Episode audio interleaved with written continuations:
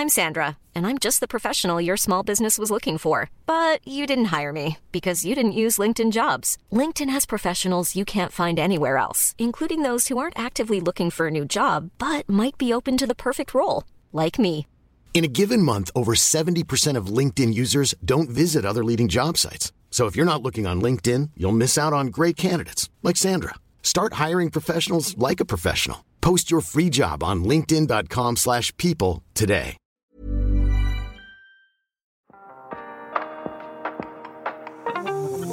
Efteråret er over os, og måske holder du endda lidt efterårsferie i den her uge. I Azure der markerer vi efteråret ved at tale om nogle af de bøger, du kan fordybe dig i under et tæppe og måske med en varm kop kaffe. Derfor har jeg inviteret Ida Elmdal Tagesen i studiet. Hun er debatredaktør og boganmelder her på Altinget. Og i dag der har hun taget tre bøger med, som på hver sin måde skriver sig ind i en politisk debat, og som måske kan ruske lidt op i dit efterår. Jeg hedder Karoline Tranberg, og du lytter til Altinget Azure. Ida, jeg synes, det kan være rigtig svært at vælge, hvor man skal starte henne, når man skal finde ud af, hvad for en øh, ny politisk bog, man skal læse. Hvordan orienterer du dig i det øh, landskab derude? Det synes jeg også kan være svært at vælge, øh, og tit er jeg i gang med en øh, 3-4 bøger på én gang. Øh, vi er jo ret heldige inde på debatredaktionen. Der får vi tilsendt øh, nye udgivelser, som har bare det mindste med politik at gøre, fra forlagene. Så på den måde kan vi følge med i, hvad der udkommer, og hvad der er på vej. Så orienterer jeg mig rigtig meget på Instagram. Jeg følger alle mulige profiler, som læser bøger og skriver små anmeldelser af bøgerne på Instagram. Er der et par af de her Instagram-profiler, du følger, som du vil øh, anbefale? Ja, jeg øh, har særligt to, som jeg lige øh, tænker på. Den ene øh, hedder Bogmennesket, og hun øh, er rigtig god til at guide. Så hun kan for eksempel lægge 10 bøger op inden for den her kategori, og så øh, kan man sådan lige få et overblik over et emne, øh, og hvilke nogle bøger, der lige findes inden for det emne. Øh, en anden, jeg vil nævne, er øh, Litteraturens Veje, som jeg godt kan lide at følge, fordi at han lægger nogle helt andre bøger op, end jeg selv ville have faldet over. Nogle af vores lyttere har måske været inde og se øh, filmen Oppenheimer. Lige efter den udkom, der øh, læste han øh, bogen om Oppenheimer og skrev en anmeldelse af den. Så øh, det er også en fed profil, jeg kan anbefale at følge. Hvordan fandt du så frem til at skulle læse den første bog, som vi skal tale om i dag, den der hedder Fanden tag dig? Fanden tage dig fik rigtig meget omtale sidste år, da den udkom. Forfatteren Niels Frank øh, har udgivet en masse bøger og er en kendt forfatter. Og der nåede jeg ikke lige at hoppe med øh, på bølgen, men så har jeg fulgt den politiske debat, som handler om indsatsen mod partnervold og partnerdrab. Og det er netop det emne, som Niels Frank også behandler. Så der tænkte jeg, nu, øh, nu måtte jeg lige øh, lidt øh, efter alle de andre hoppe med på den bølge og få læst øh, Niels Franks bog.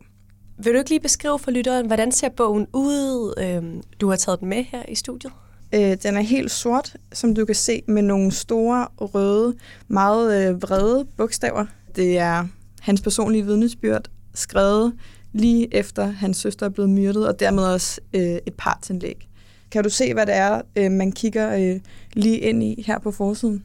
Det ligner sådan et gevær eller sådan noget, kan det passe? Ja, det er nemlig øh, et oversaget jagtgevær, løbet fra et oversaget jagtgevær, som er det våben, som øh, hun bliver dræbt af. Vil du fortælle lidt mere om, hvad er det for en debat, den her bog den skriver sig ind i? I juni 2023 kom Marie Bjerre med et handlingsplan for indsatsen mod partnervold og partnerdrab. Partnervold og partnerdrab er et kæmpe samfundsmæssig udfordring, en stor ligestillingsproblemstilling, og det er også derfor, at den her regering laver en meget ambitiøs handlingsplan mod partnervold og partnerdrab. Og der har jeg jo behov for som minister at få et godt indblik og indsigt i de problematikker, der er på området. Og jeg synes, at øh, den er ret interessant at, øh, at læse ved siden af, fordi man netop får sådan et konkret eksempel på, hvordan det kan komme til udtryk. Og så er han også et meget godt eksempel på, på statistikken. Der sker i gennemsnit et om måneden. Det er oftest mænd, der dræber kvinder, og det er oftest, hvis hun beslutter sig for at gå fra ham. Man har sådan en periode på tre måneder, efter at en kvinde beslutter sig for at, at gå fra sin mand, der siger man ligesom, det er, øhm, det, er det, farligste, det farligste tidspunkt for kvinden, fordi at, at manden kan være så vred. Jeg læser lige øh, et lille stykke op fra bogen. Der var også noget andet, politiet ikke oplyste os om, selvom det kunne have gjort en kæmpe forskel. Det læser jeg først nu i avisartiklerne. De fleste partnerdrab finder sted op til tre måneder efter, at kvinden har forladt sin mand. Elin, som er Niels Franks søster, blev dræbt 10 uger efter sin flugt hjemmefra. Det er to og en halv måned efter, hun forlod ham. Hvis politiet eller hendes advokat eller socialrådgiveren eller psykologen på krisecentret havde oplyst os om, at hun på intet tidspunkt burde være fysisk i nærheden af ham de første måneder, havde vi aldrig forsøgt at gennemføre den bodeling. Hvorfor rådgav ingen os om, at det var verdens dårligste idé, at tiden arbejdede for os? Så det er ligesom et eksempel på den her afmagt og den her vrede, der gennemsyrer hele fortællingen. Både altså især mod den mand, der slog hans søster ihjel, men også generelt sådan afmagt over for, for systemet. En anden interessant pointe, Niels Frank har i sin bog, er, at der sker cirka et partnerdrab om måneden. Og det er en statistik, som har været øh, nogenlunde den samme de sidste mange år. Og det står lidt i modsætning til den generelle morstatistik, som er nedadgående. Øh, jeg tror, han har den pointe med for ligesom at understrege, at man burde gøre mere øh, på det her område. Når man hører dig fortælle om det, lyder det som en meget ubehagelig bog at læse. Det er det på sin vis også. Den er meget vred, og øh, det er nogle virkelig voldsomme ting, han beskriver. Der øh, var en scene, som jeg husker meget tydeligt, som handler om, at efter at øh, Niels Franks søster er blevet slået ihjel af hendes mand, så tager familien ud og kigger i hjemmet og finder en masse våben. Og det er en virkelig voldsom scene. Han har jo virkelig tilrettelagt det her mor på sin kone. Og der var jeg simpelthen nødt til at øh, lige tage en pause. Øh, så ja, hvis man griber den her bog, så skal man være forberedt på, at det er voldsom læsning. Ida, vil du ikke fortælle, hvorfor fik du lyst til at læse den øh, næste bog, vi skal tale om, der hedder Det blinde øje? Jeg øh, læste flere anmeldelser af den her bog, som var sådan fuldstændig blindende.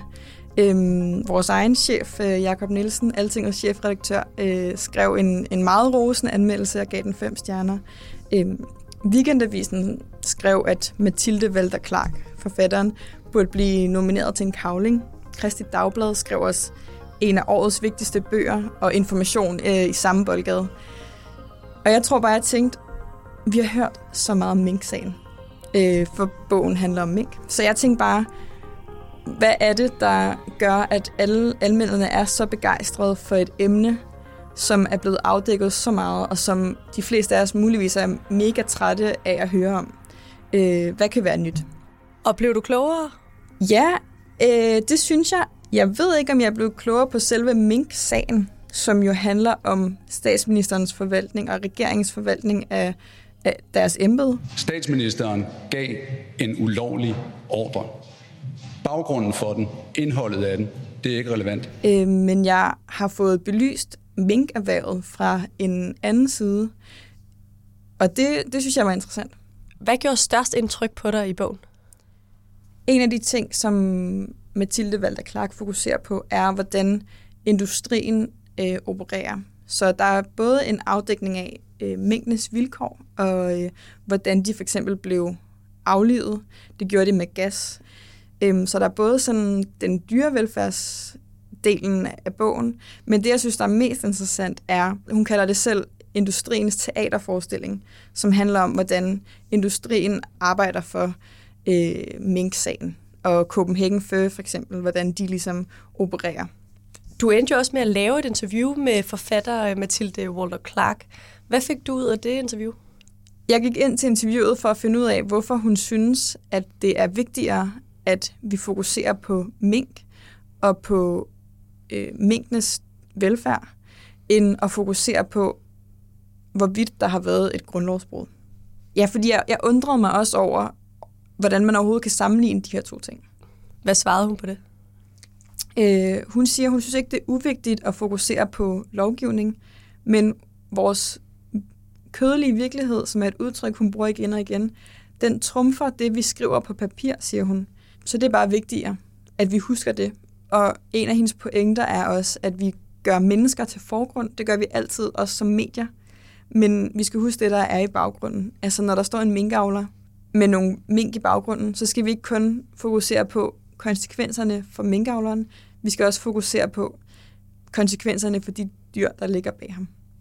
Jeg har lidt svært ved at forestille mig, hvordan den bog er bygget op, og hvordan den er at læse. Kan du sige lidt om det? Ja, den tager os virkelig vidt omkring. Så der kan være et kapitel, som hedder Den magiske kasse, som handler om, hvordan mink bliver aflevet med gas. Og der er et kapitel, som handler om den uafhængige forskning, kalder hun det. Og en af hendes pointer er, at den er overhovedet ikke uafhængig, den forskning. Øhm, og så er der et kapitel, der handler om nyhedsdækningen, som handler om den måde, vi som journalister dækkede aflivningen af mink. Hun tager også udgangspunkt i sig selv. Hun starter med at sige, at, at hun øh, havde kvalme og ikke kunne sove om natten, fordi hun så de her billeder. Hun fik det helt dårligt af, at vi ikke fokuserede på, mere på mængdene. Så det er meget hendes egen proces, vi ligesom bliver en del af. Er du, Ida, så lige så meget op at køre over den her bog, som øh, Jakob Nielsen, øh, vores chefredaktør og mange af de andre medier er?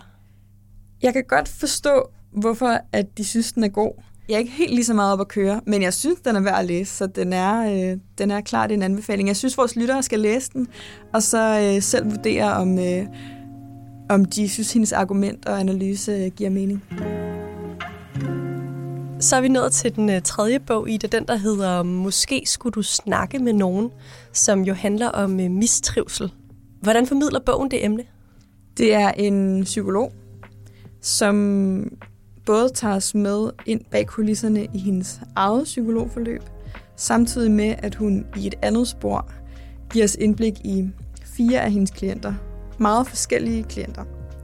Så hun kombinerer nogle cases med noget fagviden. Det synes jeg er enormt tiltrængt i debatten om mistrivsel. Det kan være en virkelig forvirrende debat. Folk har alle mulige forskellige idéer om, hvad der fører til mistrivsel og ensomhed. Så jeg synes, at det er virkelig fedt at supplere den med fagviden. Og det ligner jo øh, meget en øh, fagbog, du står med. Det er en ordentlig mobbedreng. Vil du lige fortælle, hvordan den ser ud?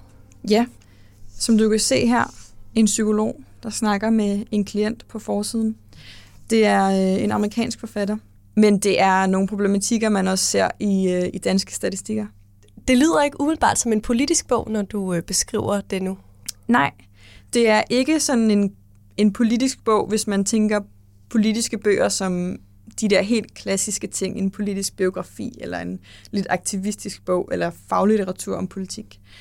Øhm, men jeg vil alligevel rigtig gerne have den med som anbefaling i dag, netop fordi, at jeg synes, debatten om mistrivsel og stress og, og ensomhed kan blive så øh, diffus. For når børn og unge åbenlyst ikke har det godt i skolen, er tynget af tristhed i skolegården, så skal vi sætte ind, før end at man bliver så syg, at man har behov for specialiseret behandling. At det virkelig er sådan rart for sådan en som mig i hvert fald at, at supplere med øh, fire konkrete cases på mennesker, der har det skidt af forskellige årsager, og få et indblik i, hvad det egentlig betyder, og hvad fagpersoner egentlig tænker om det.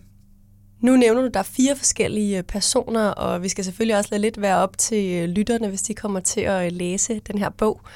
Vil du fortælle om den af de fire personer, der gjorde størst indtryk på dig?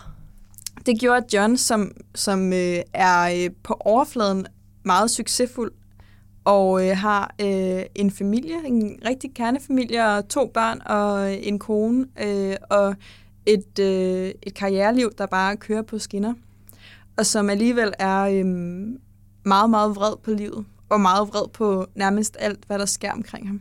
Og øh, han er ikke en af dem, som man, man hører mest om i den offentlige debat om, øh, om mental sundhed. Det synes jeg øh, er spændende at, øh, at læse, hvordan psykologen tilgår. Ida, hvornår skal man læse den her bog? Man skal læse den her bog, hvis man gerne vil have konkretiseret en meget diffus debat om mistrivsel og ensomhed og stress. Og man skal ikke være bange for at gå til den, fordi nu har jeg måske lige kaldt den faglitteratur, og det er det egentlig ikke. Altså det er øh, meget humoristisk, nemt formidlet, og så bliver det bare bygget underbygget med, med nogle universelle pointer om vores psyke, som psykologen baserer på, på den fagviden, hun har. i, i bagagen. Så øh, ja, jeg vil anbefale den til alle, der vil have sådan en, en ny måde at komme ind i debatten om, om mental trivsel.